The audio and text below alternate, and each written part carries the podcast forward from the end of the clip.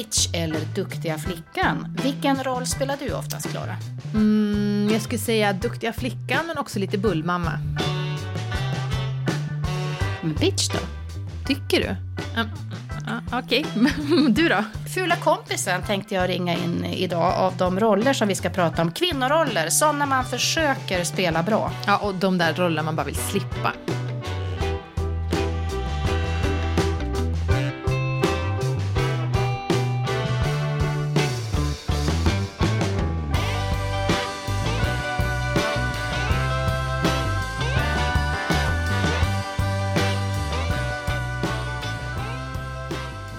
Mars är vårvinterns högtid i den här delen av Norrland som Klara och jag bor i, Västerbotten. Och därför så ska vi nu göra en varm choklad. Under tiden som vi dricker upp den här Klara så ska vi också prata ut om kvinnans olika roller. Mm. Jag minns en text du skrev om salta bönor, sura kärringar och söta flickor för många år sedan. Mm. Till en tidning som jag tyckte var så himla bra som jag återpublicerade sen i en tidning som jag gjorde. Minns du den? Jag minns den, jag har faktiskt tagit fram den också. Yes. Ja, jag mm. vet att du var sugen på mm. det så jag är ja. inte helt oförberedd. Nej. Det är tio år sedan jag skrev den här. Mm. Kan du fatta det? Och jag tycker att vi ska sätta oss ut i solen och eh, prata om de här rollerna.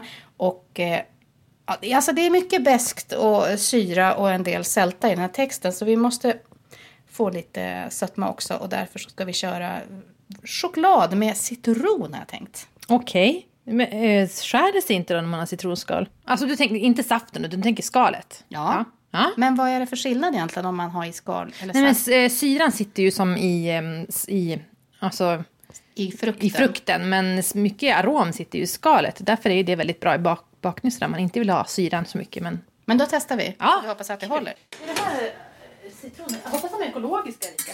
Inte det är eko- Tror du jag skulle våga något annat än ekologiska citroner när du kommer? Nej, verkligen. Det här är en hel nätpåse full. Du får ta, det räcker väl med en i och för sig. Oj, vad starkt du. Du bara mm. öppnar en sån här nätpåse med mm. fingrarna. Nej, men du har ju lärt mig ett knep när det gäller ekologiska citroner. Hur man ska skilja dem åt om de har varit lite slarviga i butiken så man är osäker. Är det ekologiska citroner eller är det vanliga? Vad var det för knep? Jo, men man klöser på skalet med nageln. Prova. Och då ska det dofta mycket, mycket mer. Och det här doftade ju otroligt gott. Ja. Har du glömt det? Ja, det har jag glömt. Men då måste man ha en, en oekologisk att jämföra med. Ja, i början. Men sen övar man upp det. Jag kan mm. säga att nu har jag gjort det så många gånger så att nu känner jag skillnad. Åh, oh, vad gott det luktar. Nu börjar jag riva skal. Har Gör du en sån här liten rivare? Nej, du får ta vanlig sån här rivjärn. Mm. Och så ska jag bara sätta igång den här mjölken. Jag kommer ihåg att vispa här då så att det inte bränner fast. Mm. Och så har du choklad här och mm -hmm. Vad är det för choklad? Ja, det är ekologisk och eh, Fairtrade-märkt.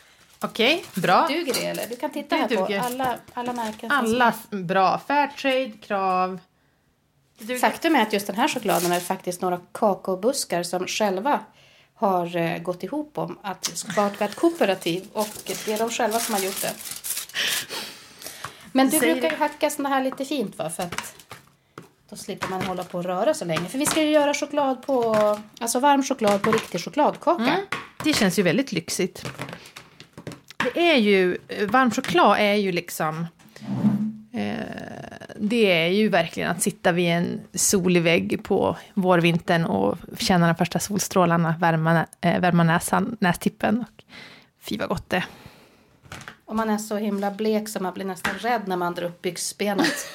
Man får solglasögon så man inte bländar sig själv. Eller i alla fall om man är vit som jag är. Ja. Men brunt ska det bli då. För det här, vi kör med en riktig mörk choklad. Mm.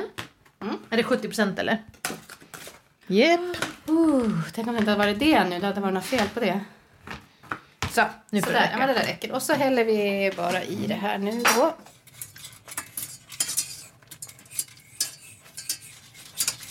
Nu vet inte jag om man ska hälla själva citronskalet i koppen och sen hälla chokladen över. Så har jag tänkt. Mm, jag tror det. Jag tror inte vi ska värma upp det. kanske det kan bli lite bittert. Jag tror inte vi ska värma upp den i mjölken i alla fall. Ja, men då får det där, jag sänker värmen mm. här. Och så får det här bara stå och smälta ihop mm. tillsammans. Så. När vi släpper det här avsnittet så är det den internationella kvinnodagen. Dagen efter. Eh, och jag tror att du har en speciell känsla för internationella kvinnodagen. Är det rätt uppfattat? Ja, det är väl eh, irritation som är känslan. Eh, jag vet inte, det, det är en väldigt, jag tycker det är en fin dag som känns så här bra att uppmärksamma. Men det blir ju så mycket irritation kring den här dagen. Dels för alla som typ, om man, jag en gång gjorde jag misstaget att skriva typ grattis på internationella kvinnodagen. Åh helvete vilken shitstorm det blev. Det är inte grattis, du måste säga inte det. Och det är väl sant liksom, men åh, är det så noga? De fattar vad jag menar. Vad var det som eh, blev den starka irritationen? The shitstorm när du skrev grattis. Att det är ingenting som... Det är inget födelsedagsfirande här. Det, man ska inte Aha. gratulera till, liksom, det är en dag för kamp. Eller, jag vet faktiskt inte riktigt vad som är fel. Men, eh, Men är det inte det att det är tycker det är svårt som- att vara kvinna? Det är ingenting man gratulerar till. Det är därför den här dagen jag- finns. Du har jo, missuppfattat Så konceptet. är det, fast jag skulle ju aldrig vilja vara man. Jag, tycker ju, jag är jätteglad att jag är kvinna, även om det finns problem förknippade med det. Så jag vet inte, det tycker jag var skitsamma. Man får väl tycka som man vill. Men, men det är en irritation att det är så mycket så här, så, man märker att det är så här laddade känslor kring dagen. Och sen då alla män som, som inte står ut med att, att en dag om året får tillhöra kvinnorna, utan även på kvinnodagen, så ska den, även den dagen ska vara männens. De har ju redan 365 dagar om året och de... liksom- 364. 364 dagar då de tjänar mer och eh, har bättre villkor och utsätts för mindre sexuellt våld och allting. Sen måste Men de... det måste väl vara så att de killar, snubbar som klagar på den här dagen, eller ifrågasätter Mm. den kanske snarare man ska säga. De känner inte själva att de är liksom toppen i hierarkin. De kanske, Men då desto större anledning de kanske att... inte har de där vd-posterna menar jag. Nej, utan, men desto större anledning att ha solidaritet med kvinnor om man själv inte är på toppen, tänker jag. Så fort man liksom startar en kvinnojour eller någonting så kommer någon och pratar om varför man inte gör saker för män. Men starta den du då? De flesta initiativ för kvinnor drivs ju ideellt av andra kvinnor. Alltså, eh, det är precis... Oh, jag blir så frustrerad. Du hör att jag går igång på det här. Men det handlar om att man får då pengar för att skydda kvinnor av Men kommunen. det är väl jättebra, alla, in, alla initiativ man gör för att skydda män för, och liksom hjälpa dem med de utsatta situationerna. Men om den enda gången man pratar om de sakerna är på kvinnornas dag, då blir det ju, då tar man ju bara strålkastarljuset ifrån. Det är som när man pratar om mäns våld mot kvinnor. Och så, fast män blir också slagna. Men prata om det då! Men prata inte alltid om det när vi pratar om misshandlade kvinnor. Alltså, man parasiterar på andras eh, eh, frågor. Men driv den frågan själv utan att liksom haka, kroka på den på diskussionen om mäns våld mot kvinnor. Mm, du hör mycket irritation. Det är helt enkelt en jävla skitdag det här att börja ett poddavsnitt med. För nu är jag klar att tappa humöret redan. Du får ta fram den här tidningen Ja, som vi pratade jag om nu. Medan du bläddrar lite där ska jag bara kolla så vi inte bränner fast det här. Jag kanske har för låg värme. Man ser fortfarande lite chokladbitar. Ja, det får stå så där långsamt faktiskt. För att vi, jag tänkte att du ska få hinna läsa lite här. Den här eh, tidningen som du bläddrar i, det är ett magasin som eh, fanns förr som heter Existera. Eh, ett temanummer om idealkvinnan är det här. En livsstilstidning, eller livsåskådningstidning rättare sagt. Här så tog vi upp flera olika kvinnoroller. Och jag tyckte det var roligt att titta tillbaka på det här nu när det har gått tio år. Det är du som har vaskat fram de här kvinnorollerna. Är det så? Ja, det var precis tillsammans med då redaktörerna helt enkelt. Jag var lite förvånad när jag öppnade den när jag visste att du skulle komma. För titta vem som är här på under kategorin häxa. Hillary Clinton. Redan då. Ja, verkligen. Åh, ska jag läsa eller? Gör det. Häxan. Det här är bilden av en kvinna med makt, nära släkt med bitchen, men för häxan är det inte viktigast att höras. Hon kan välja oväntade vägar, bara de leder längst in i maktens korridorer, mot kontrollrummet. Häxan har nämligen sett att det blir bra när hon styr och tar gärna på sig ansvar långt utanför hemmets ljusmålade väggar. Hon tycker helt enkelt att hon är bra på att bestämma. Det måste stoppas! Då finns beprövade perioder, metoder. Ända sedan 1600-talet har ryktesspridning visat sig effektiv. Ha! Hon luras! Manipuleras med sin kvinnlighet. Den höga klacken döljer en bockfot. Inget ska vara smutsigare än slut... Ja, inget ska vara smutsigare än slutetappen på ett amerikanskt presidentval har jag skrivit. Men det var ju när det var Obama och Hillary. Jag blev så... Fan, jag, eh, man känner sig helt deppad. Det är ju bara precis så här det fortfarande är. Det var så här hela förra året. Hillary Ja, men- döljer en bockfot. Ja, men det är ju... Jag blev så förvånad. Jag har faktiskt glömt bort att Hillary var med när hon stod mot Obama. Då har du skrivit så här, stämplade Hillary Clinton och Mona Sahlin. Hon är ju, har ju verkligen varit stämplad i år med tanke på de här falska intygen hon har skrivit på och allting. Ja, När jag ser den här bilden tänker jag, åh, åh, om Hillary hade kunnat sköta sina mailboxar lite bättre. Men jag vet inte, det kanske inte hade hjälpt. Det kanske hade Nej, blivit det är det jag tänker. Jag tänker precis. Och det är det som är grejen. Det spelar ingen roll. För jag menar, hennes mailboxar jämfört med Donald Trumps olika uttalanden är ju ingenting. Men man, domen faller ju olika beroende på kön. Så är det bara. Du säger att du blir deppad. Nej, men jag tycker jag känner igen för den här beskrivningen som är väldigt träffande. Det är ju liksom det, det jag hör om väldigt många framgångsrika kvinnor. Alltså jag, jag tänker också, som har jobbat lite med tv och träffat några olika tv-profiler som är kända. Alla de har ju föregåtts av ett rykte av att vara häxor. Hon går inte att jobba med. Hon är en sån diva. Hon är, sån, alltså, hon är en sån häxa. Alltså, det är så många kvinnor som när man börjar ta plats och ha åsikter så man blir stämplad och, det är och, och de måste stoppa dem för de är läskiga för att de tar sig ju fram. Liksom. Så när du ska bli intervjuad av en tv-personlighet som är kvinna får du ofta höra att Nej, men, usch, hon är en häxa. Ja, det har hänt fler än en gång kan jag säga.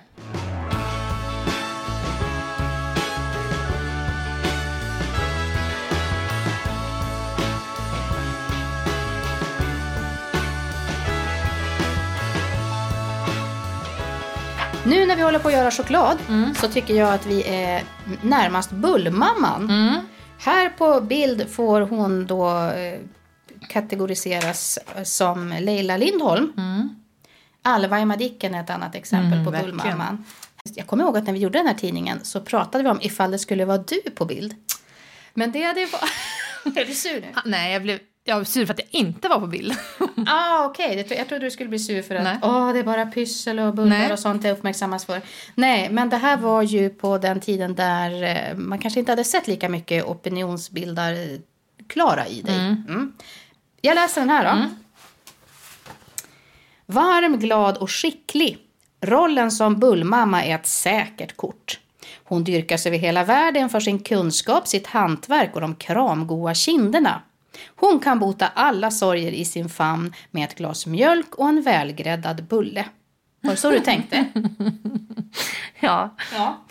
Hon är vår trygghetssymbol och en av de vanligaste kvinnorna på film. Trots Bullmammans popularitet känns ändå hennes framtid osäker. Svenska kvinnor har helt enkelt inte tid att leva upp till den här rollen. Vi njuter av att bläddra i Paolo Robertos bok, som hade getts ut då. Eh, Mina fastrars mat hette den. Och vi önskar att Bullmamman aldrig ska dö. Hon är ju den enda kvinnokaraktär som har rätt att både äta och åldras. Fast bara vid spisen. På stan kallar vi henne tjocka tanten. Åh, det är så sorgligt. Det är så sorgligt. Och fint, men förstår du vad känner du igen det Erika? Tycker inte du att det är sorgligt? Jo, det var därför jag skrev det. Alla vill ju ha en bullmamma i sin närhet, om det nu är ens mormor eller mamma eller vem det nu är.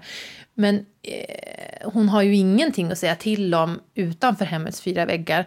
Och eh, som sagt, eh, när hon inte är med de som uppskattar hennes bullmamma-egenskaper så är hon ju bara en tant som eh, liksom är i vägen. Ja, det är en jobbig känsla där när man bara passar i det där jättestora förklädet. Hon har sitt imperium och sen är det så jäkla sorgligt när hon, hon är liksom fast i det på något sätt. Men jag kan också tänka så att, för när jag var yngre, när den här tidningen kom ut och ni övervägde mig som kategori bullmamma, då var jag ju precis 20. Och det var ju väldigt rolig roll, att leka med. Alltså jag lekte mycket med det, jag lekte också med den estetiken i form av 50-talsklänningar och förkläden och så. Det är ju inte så kul när jag är över 30 nu. För nu känner jag mig, jag är ju morsa nu. Jag har fött två barn. Jag väger 10 kilo mer än jag gjorde för 10 år sedan. Jag, alltså, jag är ju mycket mer nära att vara en bullmamma på riktigt. Och då är det inte lika kul. Så nu strävar ju jag hellre efter att känna mig ehm, mer som en, en vuxen arbetande kvinna. Vad nu det är för, för roll i den här tidningen. Du kanske har svar på det? Superkvinnan kanske?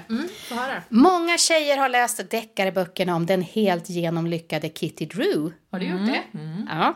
Skönheten som löser mysterier, knäcker skurkar och byter bildäck i snöstorm samtidigt som hon har vänsterhanden fri att lägga lockarna i en klädsam page. Jag älskar Kitty. Ja, det gjorde jag också. Men när man läser dem i efterhand så kan man bli väldigt irriterad på att det är ju aldrig något som går fel. Även om hon sitter liksom med bakbundna händer så har hon i princip man ser att hon ändå har läppglanset på. Mm. Ja, verkligen. Så är det Ja. verkligen. De flesta som läste böckerna tänkte åh, så där kommer jag aldrig att bli. Men några tänkte visst tvärtom.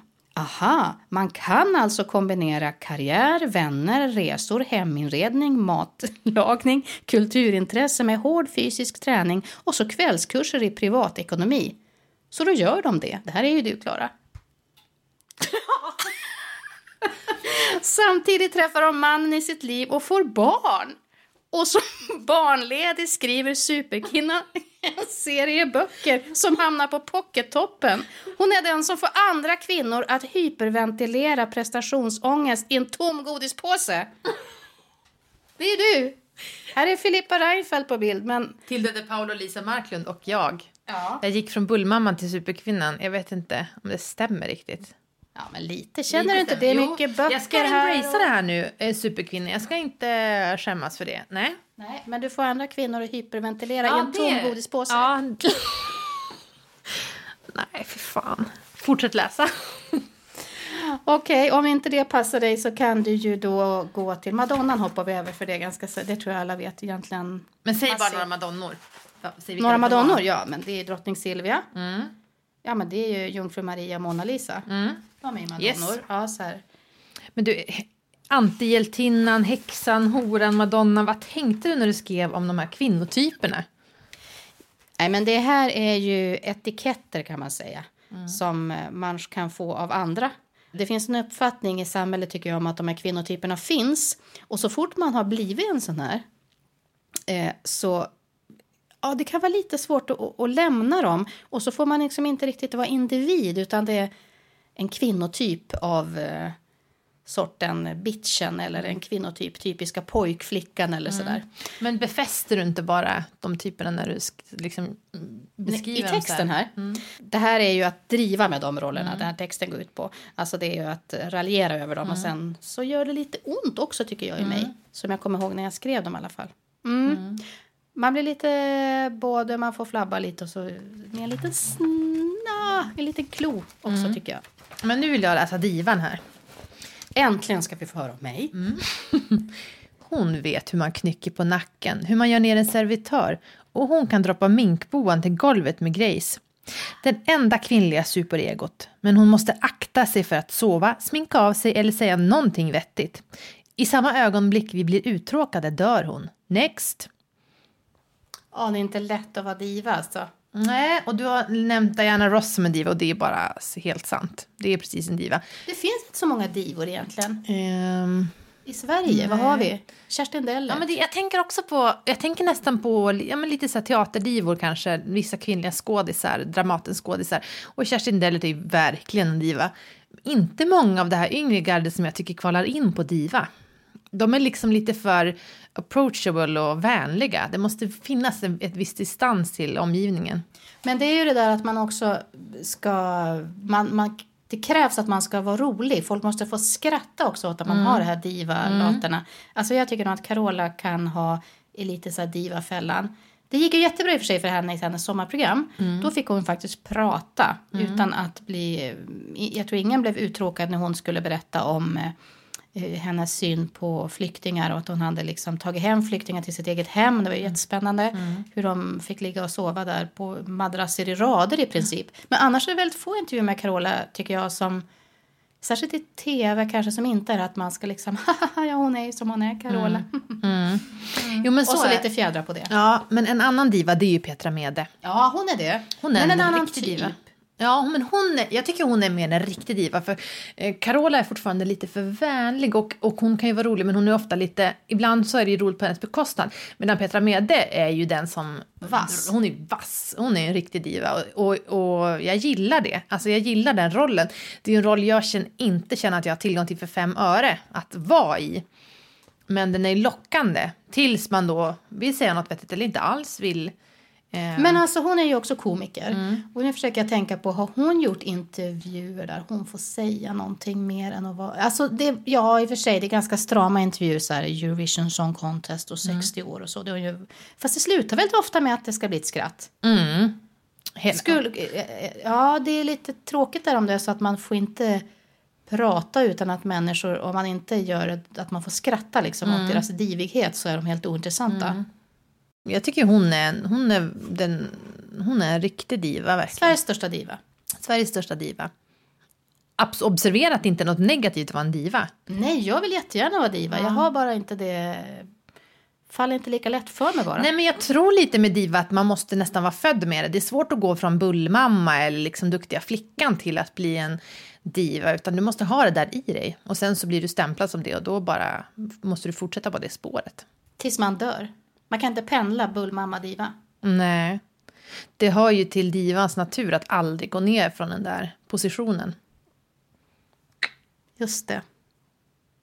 Nej, jag tror den här bullmamma bara får ta och göra färdigt den här chokladen nu. Ja, gör det du. Sa divan.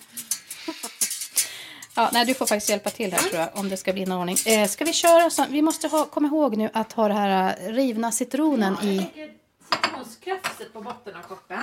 Oj, nu skramlar jag så mycket så ingen hörde vad du sa. Jag lägger citronskrafset på botten av koppen så här. Mm. Och så till mig. Så. Två koppar med riven citronskal i botten och så häller vi på den rivna chokladen. Jag tror det skulle bli mycket tjockare när man hade i riktig choklad. Lite tjockare än vanlig choklad är det kanske. Men... Ah, ingen dryck för en diva. Du, förlåt mig men det blir ingen grädde på toppen idag. För att jag bara missade det. Men jag har eh, marshmallows här som jag vet. Ja, det är ju väldigt gott i varm choklad. Lite barns... marshmallows. Ja! Den uppmärksamma lyssnaren eh, kommer nu reagera och tänka aha, det är tredje gången de har en smurfreferens i en underbar podd. Eh, vi- det här är en gång. Sen har vi haft det när vi gjorde pepparkakshus. Du pratade om ett smurf pastellkaramellhus du hade gjort. Ja, och en gång tidigare. Okej, Ska du gå ut och dricka? vi ska göra det. Vill du låna täckbyxor? Ja, tack. Eller tror du det räcker med filt? Eh, det känns divigare med filt än täckbyxor. Jag tycker vi tar, eh, jag ska hämta vår svandunsfilt. Så, eh, så får du ta på dig jackan så ska vi gå ut.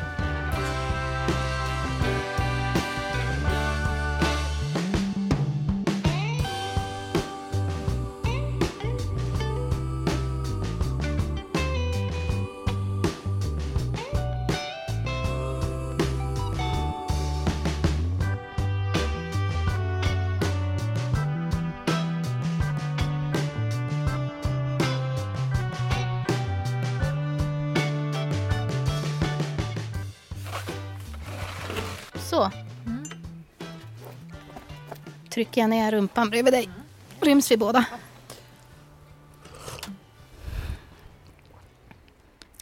Alltså det hade varit godare med grädde, jag känner ju det tydligt. Det en smak för mycket med marshmallowsen? En smak för mycket. Mm. Ja, Så gott ändå. Citronen var god i. just det. Det tänkte inte jag på. Nu ska jag känna efter. också gott. Mm. Det är också gott att typ eh, eh, mala ner lite färsk kardemumma. Alltså inte färsk, men du vet hel kardemumma. I varm choklad eller lite kanel också gott. Eller bara lite vaniljpulver när man gör varm choklad. Men inte kanel nu Klara, då blir det för mycket jul. Ja, det är sant. Ja. Citronsmaken funkade jättebra. Mm. Det kan vi säga. Tips, kör det. Men ho- gör inga smurfiga marshmallows. Skippa den biten. skippa den biten. Nu vill jag läsa någon fler. Ska vi inte läsa bitchen då? Ja, det jag tänkte var vad är det för skillnad på bitch och häxa? Men du får väl försöka läsa det här. Hon har tröttnat på att vara en duktig flicka. Hon börjar prata och tar sig friheten att säga vad hon tycker. Hon förstår att hon har blivit lurad och ställer till någon till svars för det. Bråk, skrik och tårar. Riktigt obekvämt. Motståndarna har svårt att vinna en diskussion med henne. Hon är nämligen påläst, medveten och kan uttrycka sig. Till sist finns det bara en sak att säga. Bitch! Jävla kärring! Hennes argument är faktiskt så bra att hon knappast kan vara en riktig kvinna. En bitch beskrivs ofta som hårig, tuttlös, manhaftig eller lesbisk. Ju mer hon tycker desto fulare blir hon. Mindre och mindre kvinna. En riktig bitch brukar dock inte bry sig om det. Stämplade Linda Skugge och Gudrun Schyman. Ja, men den här var väl inte så ledsen? Nej, nej men det här är ju någonting. Men vad är skillnaden då mot häxan? Jo, jag tycker att häxan är den som har lyckats eh, förädla sitt bitcheri till att få väldigt, väldigt mycket makt. Alltså hon sitter i kontrollrummet. Bitchen är kanske mer den som eh, är lite på uppgång men inte har kommit hela vägen. Mm. Det är väldigt sant. Jag skulle faktiskt säga, om jag tänker så här, kvinnor man har träffat på höga positioner, typ universitetsvärlden eller alltså de som har verkligen fått klättra bland män och sitter verkligen i toppen. Många av dem eh, har ju det här i sig men de skulle nog stämplas som en häxa. Alltså de har liksom, för de har ju också det här eh, med, eh, det tänker jag, tillbaks i tiden så var ju häxan också någon som lyckades ja, men kanske bota sjuka eller ha, ha framgång alltså med någonting. Det är det som var misstänkliggörande för kvinnor då. Ja, så är de lite så här förförande ja, så kan och det verkligen vara liksom, också. Eh, lite farliga på alla sätt. Ja, men en bitch behöver inte vara framgångsrik. Det kan ju, man kan ju vara en bitch och göra vilket jobb som helst. Men häxan, hon behöver ha gjort lite karriär. Och då är det lite mystiskt. Hur har den här kvinnan utövat häxkrafter för att göra den här karriären som Hillary Clinton till exempel. Det finns ju till och med i USA många eh, sådana rykten, liksom, eh, fake news om att hon är typ häxa och håller på med häxkrafter och sånt. Så. Fast nu tror jag att när du säger så fake news att det är någonting så här det där är nog bara någon sån här PK-media som har spridit det. Att det är fake news. det kan, kan, kan, vara, riktigt. Det kan vara riktigt. Ja. Okej. Men du, känner, känner du dig... Du sa att jag var lite bitch. Det blev jag väldigt förvånad av. Det var ju bara för att retas. Ja, för jag Jo, men en gång så sa du att du typ hade, eh, var jättestressad för att missa flyget. Och i sådana här stressiga sammanhang så tror jag att du kan eh, bli väldigt bestämd. Mm. För det är väl det som man är bitch, man viker mm. inte ner sig. Nej. Nej. Och du hade tvingat någon taxichaufför att eh, skotta eller jag kommer inte ihåg hur det var. ja, det är sant. Jag är väldigt sällan bitchy, men det har hänt några gånger. Och det är ju en superkraft. När man liksom kommer på att jag behöver inte... Och att ibland måste man gå... Det, för det, jag går ofta in och var duktiga flickan och kanske också ber om ursäkt för. Ursäkta, det är så att jag kommer inte hinna göra det här jobbet och det är för att jag har fått, har fått ryggskott och gula febern och eh, vad heter det, mm, malaria samtidigt så jag kommer inte hinna lämna tid. Och förlåt, jag hoppas inte ställde mig för mycket besvär. Och så får man svaret, ja det blir väldigt besvärligt för oss om du inte lämnar artikeln i tid. Du förstår, när man har liksom man har, det har verkligen hänt något jättejobbigt och man har jättegod anledning och man liksom man, vis, man, man blottar strupen och så hugger någon. Och då har jag lärt mig att då är det mycket mer så här, ja det här artikeln kommer inte jag ägna mig Alltså då kan det vara bättre att gå, till, till liksom, gå in med bitchattityd istället för att komma in och be om ursäkt. Det är lite sorgligt men förstår du vad jag menar? Nej jag förstår inte alls eller vad jag menar när jag sa att du hade lite bitch i dig. Det var, jag, jag tar tillbaks det. Helt. Alltså, jag, nej. Ah. Men har du blivit kallad för bitch någon gång? Alltså bakom ryggen måste jag ju blivit det. Jag har ju liksom varit arbetsledare så det mm. tar jag... Annars, nej. Det har jag inte. Jag tror att jag är för eh, blond, kort och tjock för det. Ja, men vilken kvinnotyp är du här är jag nyfiken på. Nu kommer hon. Det här är ju så jävla tråkigt men jag läser den ändå. Horan. Nej jag bara skojar. Duktiga flickan. Den här etiketten är så vanlig att den borde säljas på ICA. De duktiga flickorna finns överallt. Det är en samhällsfunktion. Duktiga flickan sitter tyst i skolbänken så får andra tid med lärarna. Hon tar ståplatsen på bussen och plockar ur diskmaskinen på jobbet. Hon gör det utan att gnälla, utan att smutsa ner kläderna eller försumma en enda minut av sin arbetstid. Har du inte sett henne? Oj, oj, oj, då har du att göra med ett riktigt proffs. En duktig flicka presterar i det tysta. Att söka bekräftelse är fult. Hon tar den krokiga gaffeln i hopp om att någon ska älska henne för det. Som vuxen skjuter hon upp sina toabesök för att hinna med barnen.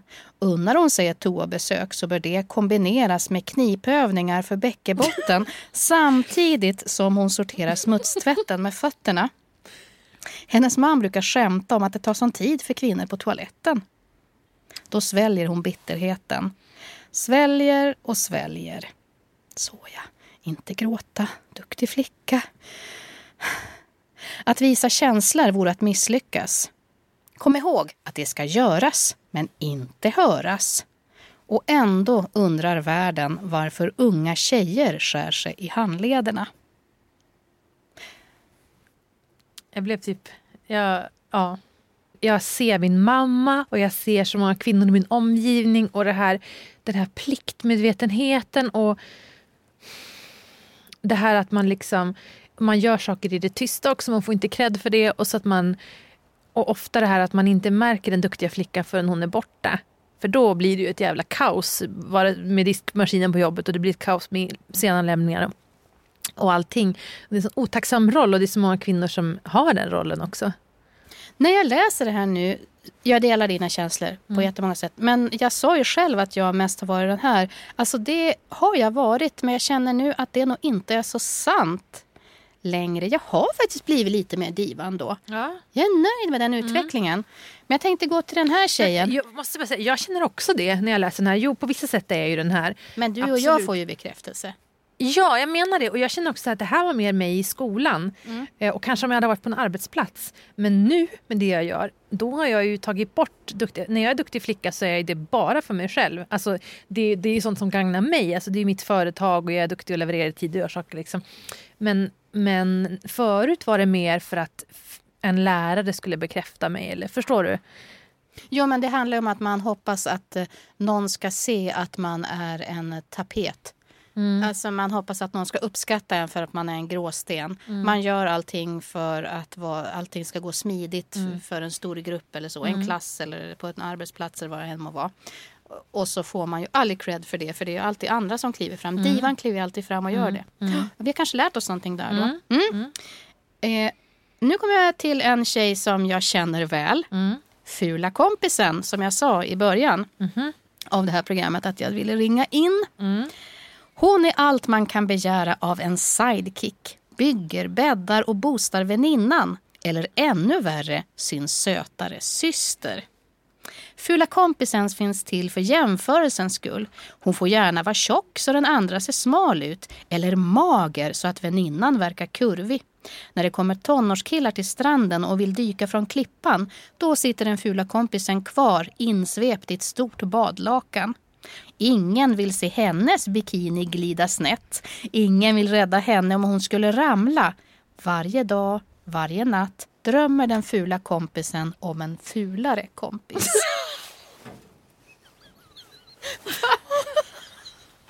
Visst är det hårt? Ja, jävla hårt. Menar du att det här är du? Jag har varit fula kompisen jätte, jättemycket. Nej, men nu går du bara med hoven Erika. Nej. ja, det tycker jag är bra att du sa det, för så brukar jag känna när någon säger sådär.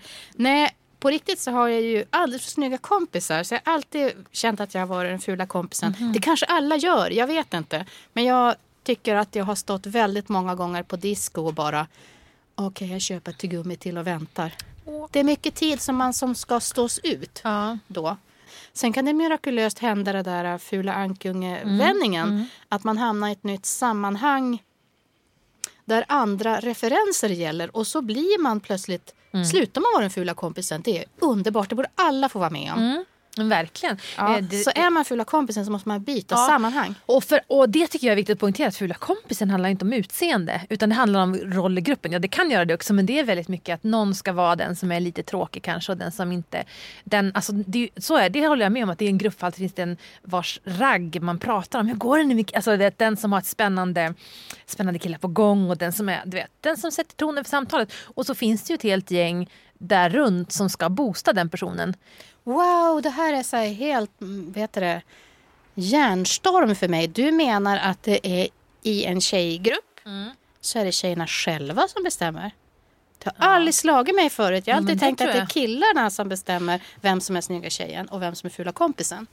Nej, det, där, nej, det tycker, inte, tycker inte jag alls. Jag tror inte alls att det är det. tycker ofta det kan vara så. Om man tänker tillbaka och kollar speciellt gamla skolkataloger kan man säga att vissa av de här coola tjejerna finns ingenting som de är ja, Rent estetiskt i en gammal bild så ser man att du ser inte bättre ut än någon annan. Du har inte liksom, mer speciella kläder. Det är en fråga om attityd och där är det ju Eh, om liksom kvinnoflocken har bestämt att någon har hög status och låg status så eh, kan mansflocken eh, snappar ju de upp det väldigt tydligt. Men nu vill jag läsa en annan, nämligen horan.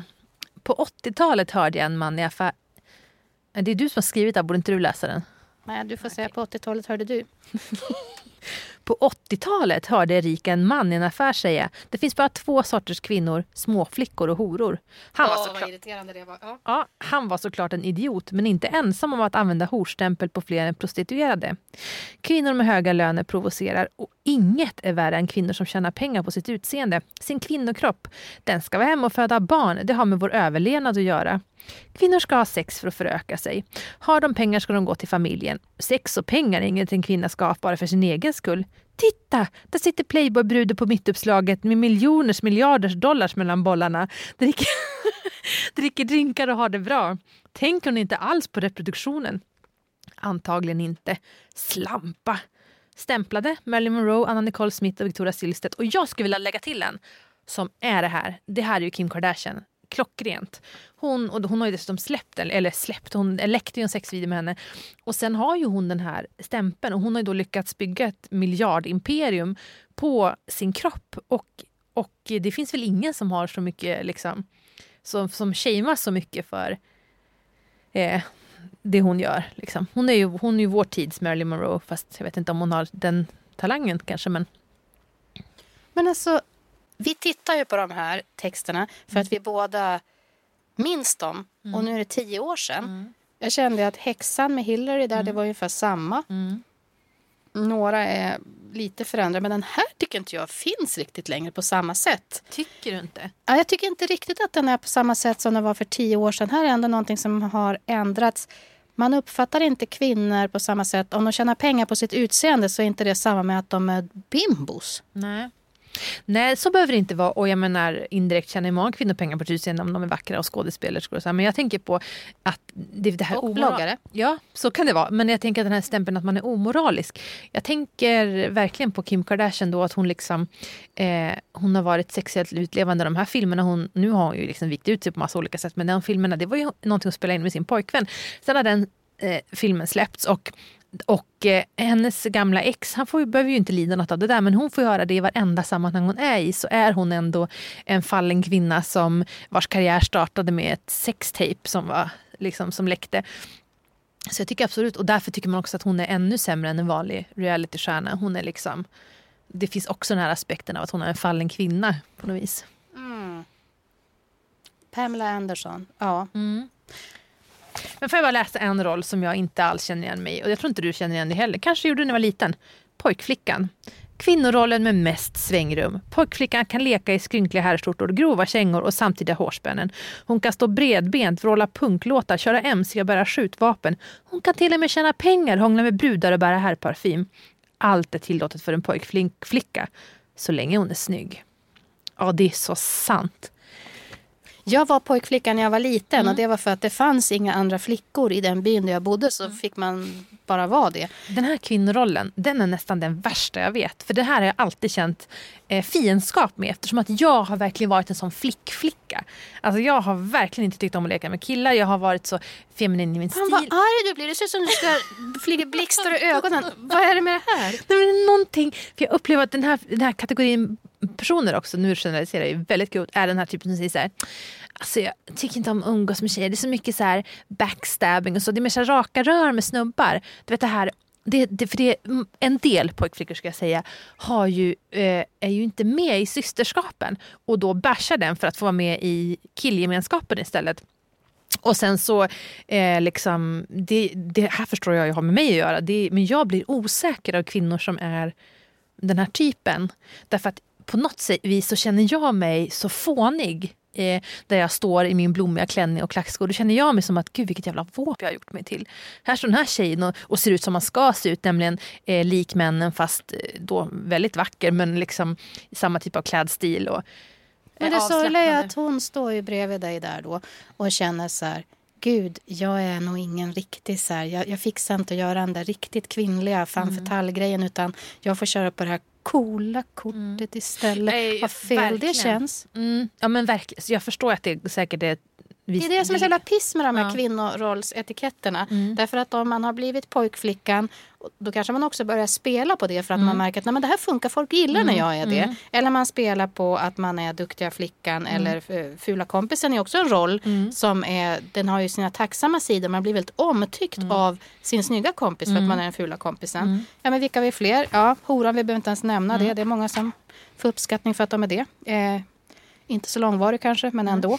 Bitchen kanske, jo men det kan vara lite så här eh, att där kan man ju få systerskap i det. Att folk säger bra sagt. Mm, mm. Yeah. Men den här sista jag vill ta upp nu, absolut sista, jag lovar jag ska inte läsa fler sen, men de är så bra. Antihjältinnan, det här är ju hon vi älskar. Många kvinnor har just henne som favorit. Hon är en stark typ som ensam utmanar. Van vid både beröm och kritik. Ibland kastas en hel tunna avföring över henne. Heja, heja, heja, peppar alla systrar. Åh, vad du är duktig på att ta skit. Stämplade Annika Lantz och Pippi Långstrump och ska jag tillägga Mia Skäringer. den som ska gå först i ledet och visa att man visst kan visa upp en dallrig föda barnmage eller en, ett cellulitlår. Eller man ska också... ehm, Stina Wolter. Man ska använda sin egen kropp i, i sina statements. Och det är någonting väldigt fint i det där. Men ibland tänker jag, jag har kompisar som är så också, som är så här, ja men alltid tar man en, den spexiga, fula, osmickrande bilden. För man vill inte liksom vara fin på bild. Eller man, vill ju inte, man ska inte verka som att man bryr sig. Eller som, som ofta liksom, som skämtet handlar, landar alltid på dem och de, att de är lite klantiga och så här. Och de, det finns ju något väldigt befriande i det där. Men det finns också någonting eh, som kan bli väldigt förminskande av, av en, en själv. Och ibland kan jag bara säga, du får ta en fin selfie. Du får, du får framhäva det du gör. Du behöver inte liksom skämta om hur klantig du är. Du är faktiskt en jättekompetent människa. Men det du berättar nu är ju det att man försöker leva sig in i en roll som man känner att jag har fattat hur man gör den här, jag passar för den här rollen, jag fortsätter spela den oavsett om man trivs i den eller inte. Ja.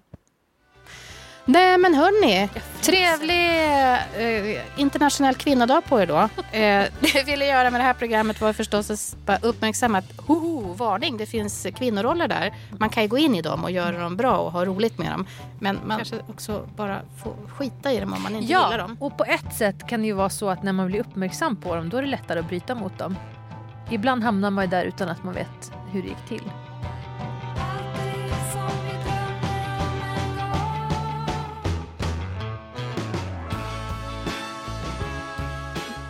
En jävla dålig internationell kvinnodag, ta en kopp varm choklad med lite citronskrufs i botten, det vill säga riven citronskal. Grattis på internationella kvinnodagen! Nej, nej. Åh, nu blir det massa kommentarer. Åh, de får du svara på.